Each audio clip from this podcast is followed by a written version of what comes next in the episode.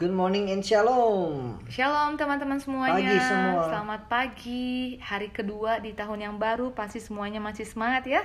Kita akan masuk dalam saat teduh bersama-sama pagi hari ini sebelum masuk dalam pujian penyembahan yang akan dilayani oleh uh, Brother Iwan kembali. Kita akan berdoa terlebih dahulu. Bapak terima kasih untuk pagi yang baru Tuhan, semangat yang baru sudah Engkau berikan kepada kami semua. Kami berdoa Tuhan Yesus, eh, kami mau datang kepadamu untuk memuji dan menyembah Engkau Allah yang layak untuk terima segala pujian. Dan kami mau mendengar suaramu Tuhan, firmanmu hari ini. Biarlah firmanmu menjadi rema dalam hati kami pada hari ini. Terima kasih Yesus. Amin. Amin.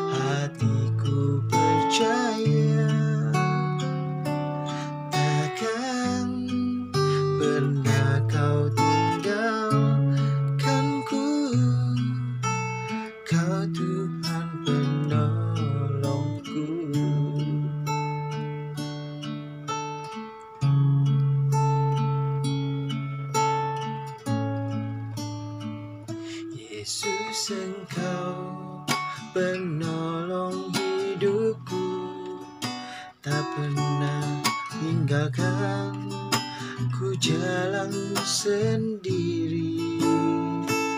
Yesus engkau kekasih jiwaku Selalu besertaku sepanjang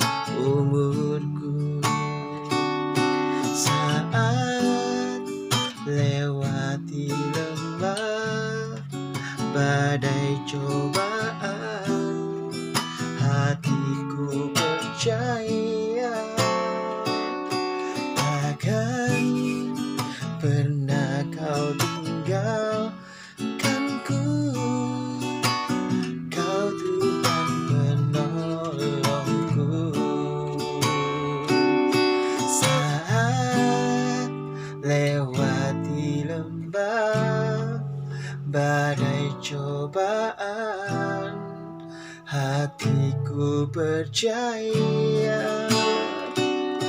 Takkan pernah kau tinggalkanku kau Tuhan penolongku.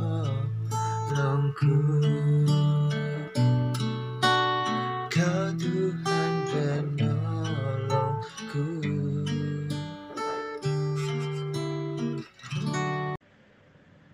Filipi 1 Surat Paulus kepada jemaat di Filipi. Salam dari Paulus dan Timotius. Hamba-hamba Kristus Yesus kepada semua orang kudus dalam Kristus Yesus di Filipi dengan para penilik jemaat dan diaken kasih karunia dan damai sejahtera dari Allah Bapa kita dan dari Tuhan Yesus Kristus menyertai kamu. Ucapan syukur dan doa. Aku mengucap syukur kepada Allahku setiap kali aku mengingat kamu dan setiap kali aku berdoa kepada kamu semua. Aku selalu berdoa dengan sukacita. Aku mengucap syukur kepada Allahku karena persekutuanmu dan dalam berita Injil mulai dari hari pertama sampai sekarang ini. Akan hal ini aku yakin sepenuhnya, yaitu ia yang memulai pekerjaan baik di antara kamu akan meneruskannya sampai pada akhir pada Kristus Yesus. Memang sudah sepatut memang sudahlah sepatutnya aku berpikir demikian akan kamu semua. Sebab kamu ada di dalam hatiku. Oleh karena kamu semua turut mendapat bagian kasih karunia yang diberikan kepadaku baik pada waktu aku dipenjarakan maupun pada waktu aku membela dan meneguhkan berita Injil. Sebab Allah adalah saksiku betapa aku dengan kasih mesra Kristus Yesus merindukan kamu sekalian. Dan inilah doaku. Semoga kasihmu makin melimpah dan pengetahuan yang benar dalam dan dalam segala macam pengertian sehingga kamu dapat memilih apa yang baik supaya kamu suci dan tak bercacat menjelang hari Kristus penuh dengan buah kebenaran yang dikerjakan oleh Kristus Yesus untuk memuliakan dan memuji Allah. Kesaksian Paulus dalam penjara. Aku menghendaki saudara-saudara supaya kamu tahu bahwa apa yang terjadi atasku ini justru telah menyebabkan kemajuan Injil. Sehingga telah jelas bagi seluruh istana dan bagi semua orang lain bahwa aku dipenjara karena Kristus dan dan kebanyakan saudara dalam Tuhan telah beroleh kepercayaan karena pemenjaraanku untuk bertambah berani berkata-kata tentang firman Tuhan dengan tidak takut. Ada orang yang memberitakan Kristus dengan dengki dengan persisian, tetapi ada pula memberitakannya dengan maksud baik. Mereka ini memberitakan Kristus dengan kasih, sebab mereka tahu bahwa aku di sini untuk membela Injil, tetapi yang lain karena kepentingan sendiri dan dengan maksud yang tidak ikhlas. Sangkanya dengan demikian mereka memperberat bebanku dalam penjara, tetapi tidak mengapa, sebab bagaimanapun juga Kristus diberitakan baik dengan maksud palsu maupun dengan jujur. Tentang hal itu aku bersuka cita. Dan aku tetap bersuka cita karena aku tahu bahwa kesudahan semuanya ini adalah keselamatan oleh doamu dan pertolongan roh Yesus Kristus. Sebab yang sangat kurindukan dan kuharapkan ialah bahwa dalam segala hal yang segala hal tidak akan beroleh mau lu melainkan seperti sedia kala demikian pula demikian pun sekarang Kristus dengan nyata dimuliakan di dalam tubuhnya tubuhku baik oleh hidupku maupun oleh matiku karena bagiku hidup adalah Kristus dan mati adalah keuntungan tetapi aku harus hidup di dunia ini itu berarti bagiku bekerja memberi buah. Jadi mana yang harus kupilih? Aku tidak tahu. Aku didesak dari dua pihak. Aku ingin pergi dan diam bersama-sama dengan Kristus. Itu memang jauh lebih baik. Tetapi kamu perlu untuk tinggal di dalam tinggal di dunia ini karena kamu. Dan dalam keyakinan ini Taulah aku, aku akan tinggal dan aku akan bersama-sama lagi dengan kamu sekalian supaya kamu makin maju dan bersuka cita dalam iman. Sehingga kemegahanmu dalam Kristus Yesus makin bertambah karena aku. Apabila aku kembali kepada kamu. Nasihat supaya tetap berjuang. Hanya hendaklah hidup hendaklah kehidupmu berpadanya dengan Injil Kristus, supaya apa bila aku datang aku melihat dan apabila aku tidak datang aku mendengar bahwa kamu teguh berdiri dalam satu roh dan sehati sejiwa berjuang dengan iman untuk iman yang timbul dari berita Injil dengan tiada digentarkan sedikit pun oleh lawanmu bagi mereka semuanya itu adalah tanda kebiasaan. Tetapi bagi kamu tanda keselamatan dan tanda itu datangnya datangnya dari Allah. Sebab kepada kamu dikaruniakan dikaruniakan bukan saja untuk percaya kepada Kristus, melainkan untuk menderita untuk Dia dalam pergumulan yang sama seperti yang dahulu kamu lihat padaku dan yang sekarang kamu dengar tentang aku. Shalom Riki. Shalom, Riki. Riki, terima kasih ya sudah melayani bersama-sama kita pagi hari ini untuk membacakan firman Tuhan di Filipi 1. God bless you. Bagi Paulus, hidup adalah untuk Kristus dan mati adalah sebuah keuntungan. Selama Paulus hidup, ia mau melayani Tuhan, hidup berbuah untuk Yesus. Fokus yang luar biasa saat kita mengerti tujuan hidup kita sebenarnya, bahwa hidup ini adalah kesempatan untuk melayani Tuhan kita.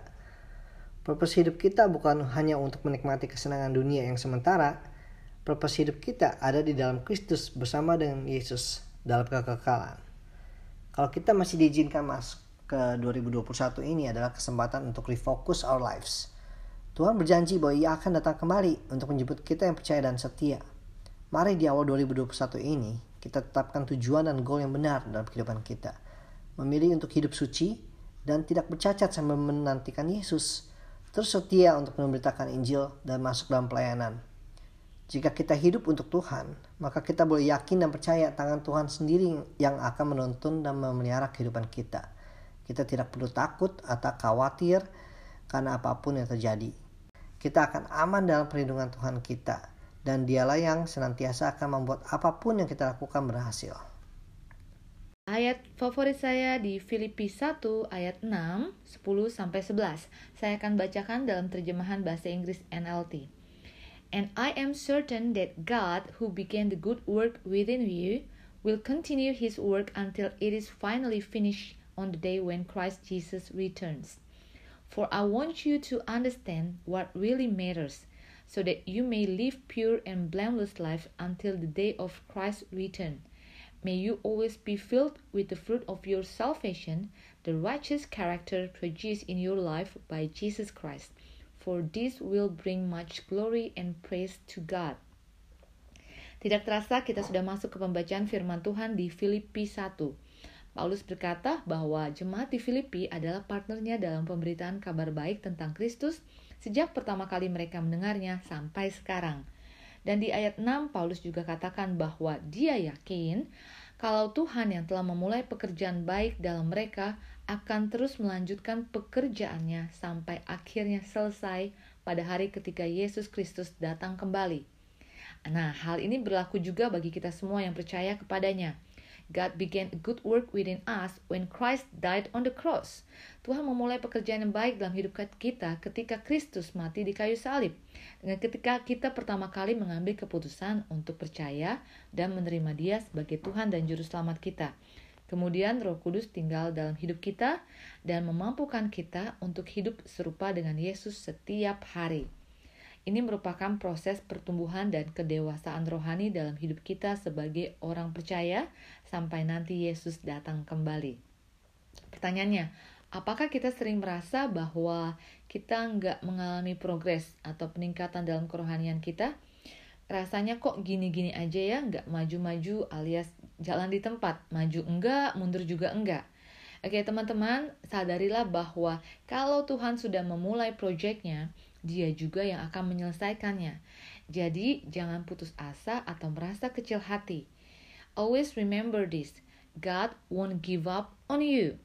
Ketika kita merasa nggak berdaya, nggak sempurna, nggak maju-maju atau stuck, mungkin sampai stres juga dengan keadaan atau kondisi kita, ingatlah akan janji dan penyertaan Tuhan dalam hidup kita.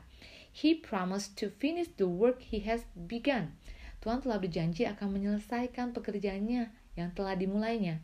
Jadi, apa yang harus kita lakukan? Nah, di ayat yang 10 berkata, What really matters? Apa yang paling penting atau berarti adalah yang pertama, live pure and blameless lives until the day of Christ return. Hidup murni dan tidak bercelah sampai hari kedatangan Kristus. Mari teman-teman kita terus berusaha untuk bertumbuh makin dewasa dan makin serupa dengan Kristus. We should live each day as Jesus might return at any moment. Kita harus hidup setiap hari seperti seakan-akan Yesus akan datang atau bisa datang setiap saat. Yang kedua, always be filled with the fruit of your salvation, the righteous character produced in your life by Jesus Christ, for this will bring much glory and praise to God. Selalu dipenuhi dengan buah keselamatan, karakter kebenaran yang dihasilkan dalam hidup kita oleh Yesus Kristus. Karena dengan ini kita akan membawa kemuliaan dan pujian bagi Tuhan. Mari kita miliki karakter Kristus dengan terus menjalin hubungan yang intim dengannya. Karena semakin kita intim dengan Tuhan Yesus, akan semakin terlihat karakter Tuhan dalam kehidupan kita. Oke teman-teman, semangat semuanya ya. Oke teman-teman, sekian hari ini. Sampai ketemu besok. God bless you.